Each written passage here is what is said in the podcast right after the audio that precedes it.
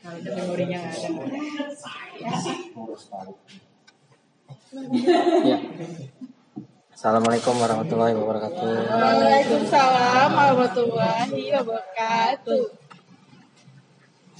Tanya mbak, googling dikit nih, lupa nih gue namanya.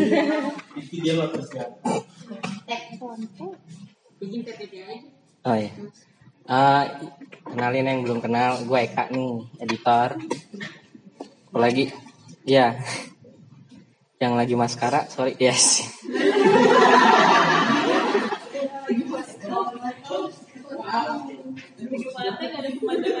Gak ada mbak, coba semua. Temanya ini ya, alkemi. Tulisannya alkemi. Bener nggak ada? Alkemi apa gimana sih ngomongnya? Alkemi ya, oke. Eh, temanya bisnis alkemi. Apa sih bisnis alkemi itu? Eh, latar belakangnya gini. Lu tau berlian kan? Tahu. Berlian itu mahal dong. Mahal ya. Kalau beli mahal ya. Terus eh, apa sih namanya? Visi ke produknya tuh lu kalau mau buktiin cinta sejati lo misalnya eh, Vina eh enggak ready ke Vina misalnya. Misalnya. Misal misal tapi nggak tahu kalau benar gitu kan misal nih misal ini misal misal misal misal kan misalnya nah si yang bikin produk berlian ini pinter gitu. Jadi selama ratusan tahun visinya itu kalau cowok belum ngasih berlian ke cewek berarti dia belum nunjukin cinta sejatinya gitu kan. Kayak gitu kan.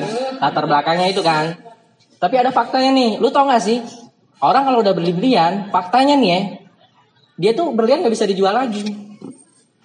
Boleh di googling. Nggak ada orang yang jual berlian. Jual emas ada Bisa kok, tapi harganya jatuh. Iya, 50%. Berarti itu bukan barang investasi dong. Tapi secara produk, kenapa harganya lebih mahal dari emas? Padahal kan itu kalau kalau kita ngeliat itu kan apa sih namanya? Eh, logam mulia kan? Harusnya kan? Karena harganya mahal banget. Tapi pas dijual, tapi pas dijual harganya jatuh di bawah emas, bahkan bisa sampai 50%. Karena itu di kalau di perdagangan di perdagangan ini nih apa sih? Perhiasan itu berlian bukan barang investasi jatuhnya. Malah kalah dia sama batu akik. Batu akik kayak bacan kayak gitu kan. Karena itu emang kalau misalnya batu akik itu kalau kalau boleh itu logam mulia itu batu mulia. Karena itu benar-benar dari alam bumi. Nah si berlian ini bukan batu mulia. Jadi proses terbentuknya itu sebenarnya dia itu adalah karbon arang. Jadi dalam kondisi tertentu dia dapat tekanan dari dalam bumi. Jadi terbentuklah sebuah berlian gitu. Nah ini yang gue bilang bisnis alkemi. Alkemi itu jadi propaganda istilahnya ya gampangnya gini ya. Gue juga nggak bisa nih ribet. Gue taunya baca nyampeinnya ribet nih. Jadi gampangnya gini ya. Jadi gimana? Propaganda orang tuh harus beli barang itu. Padahal barang itu sebenarnya nggak ada harganya. Secara kasar ya. Mau bukti misalnya yang tadi gue bilang kalau berlian kita beli mahal dijual lagi murah. Itu fakta loh. Beda sama emas. Paling emas misalnya gue beli emas 900 ribu dijual paling murah juga. Misalnya lagi emas turun 498 ribu kayak gitu kan. Itu itu emang benar-benar ciri-ciri barang perhiasan. Nah kenapa sih bisa kayak gitu berlian sampai segitunya gitu? Karena ini tadi ini namanya bisnis alkemi. Alkemi itu apa sih? Sebenarnya sejarahnya itu di Afrika Afrika Selatan sana. Keluarga keluarga penghasil emas berli eh penghasil berlian itu sudah 600 tahun namanya Debur. Nah jadi itu dia tuh dia itu eh, awalnya menemukan tambang berlian. Sebenarnya stoknya itu banyak. Kalau pengen teman-teman tahu, stoknya itu banyak banget. Harusnya harganya murah. Tapi itu dia, dia mani- dia memanipulasi pasar itu, memanipulasi eh, pasar sehingga harga si berlian ini mahal, bahkan nggak masuk akal harga mahalnya. Padahal kalau dijual lagi itu murah banget. Karena itu dia, itu namanya bisnis alkemi. Jadi dia memonopoli suatu komoditi untuk dijual kepada masyarakat dan masyarakat itu mau nggak mau harus butuh gitu. Makanya tadi dia dibikin ini mindset. Jadi kalau misalnya cowok belum bisa dikasih eh, gentleman kalau belum ngasih berlian ke pasangannya. Padahal mah seumur umur gue juga belum pernah beli berlian gitu kan. Diajak makan juga udah seneng cewek harusnya kan gitu kan. Randy harusnya kalau misalnya pengen dapet itu ngajak makan lah, apalah basa-basi lah. Cewek juga udah seneng harusnya kan, harus beli, beli berlian gitu. Nah ini salah satu bisnis alkemi. Mudah-mudahan teman-teman bisa paham gitu ya apa yang gue maksud. Jadi ini itu ada sebenarnya banyak kali nih di fakta di dunia ini yang mirip-mirip alkemi ini. Contoh misalnya nih contoh lagi kalau di Nusantara, teman-teman tahu dong kerajaan Majapahit. Luasnya tuh hampir satu satu luas Nusantara ya. Nah, tapi faktanya lagi nih, dia menjalankan bisnis alkemi ini dalam menaklukkan daerah jajahannya. Jadi 90% dalam prosesnya menaklukkan Nusantara itu nggak perang, nggak menumpahkan darah sama sekali. Cuma dalam sejarah itu cuma satu-satunya dia perang, yang benar-benar perang gitu, yaitu sama Pasundan. Sisanya dia nggak perang, dia ngejalankan bisnis taktik alkemi ini. Misalnya dia ke Halmahera nih, mau naklukin Halmahera, dia nggak perang, dia cuma minjemin dia emas.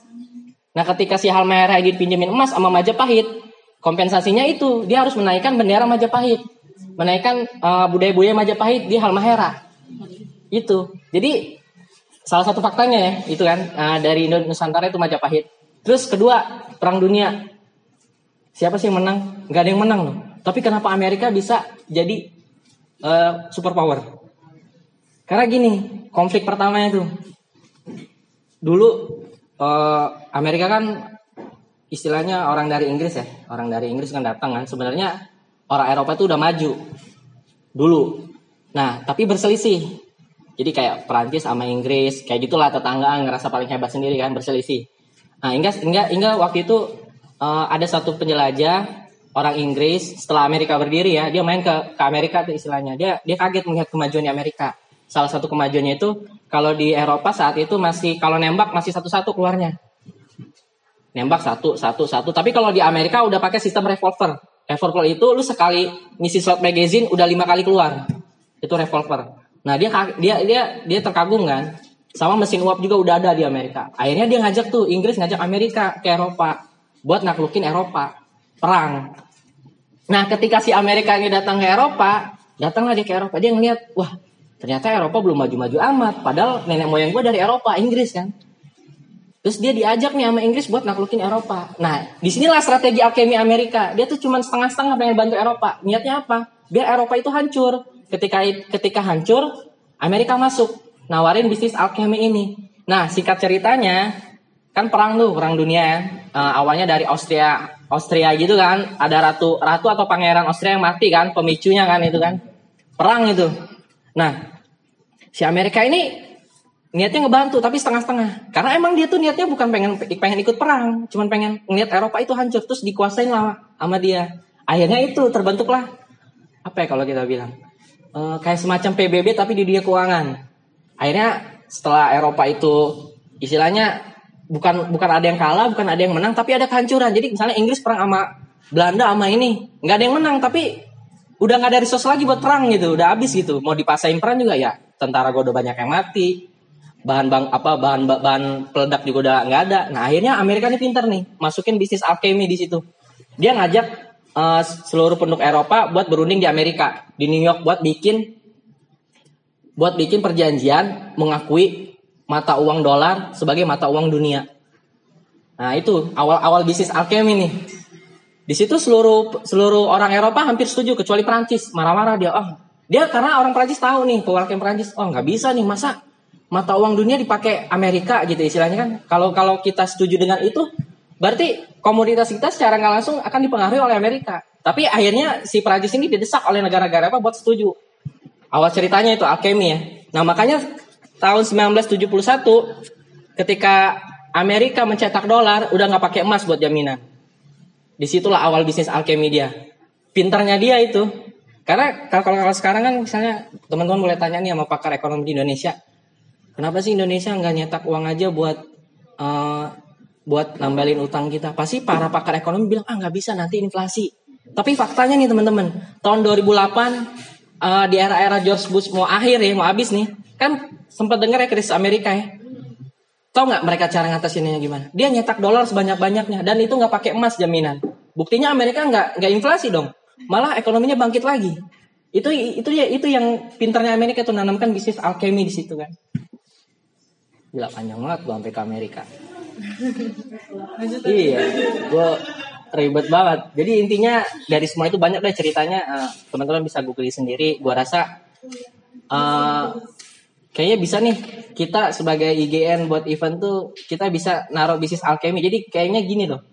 Kalau orang nggak ikut event kita, anak AI kayaknya belum sah gitu. Kayak gitu kan. Bisa dong ya goalsnya ke situ dong. Nah, maksudnya banyak kok pelajaran yang sebenarnya kita bisa memonopolin. Kita sudah di ini loh, di apa? Apa sih namanya, Mbak? Kalau if, eh, li- apa sih company yang memimpin suatu pasar apa sih namanya? Ini Leading holding apa sih namanya? leading top of mind. Pokoknya kita tuh udah di sebenarnya kalau di kawasan event buat MUN kita kan udah paling atas ya, udah enak banget. Sebenarnya sebenarnya kita udah bisa ngatur pasar ini loh. Ba- Bahkan saingan kita, iya, bahkan bahkan iya, bahkan saingan saingan kita cuma Harvard. Nah, nah padahal kita, padahal kalau kita mikir orang juga nggak mungkin ke Harvard, mahal banget loh. Iya kan? Bisa.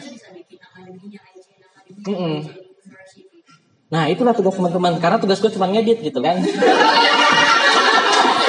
cuma Gue cuma ngedit Gue gak paham deh Gue Gue gak paham deh Gue cuma Gue cuma nerima skrip lo Gue ubah secara visual ya Itulah tugas gue gitu loh Jadi kesimpulan gue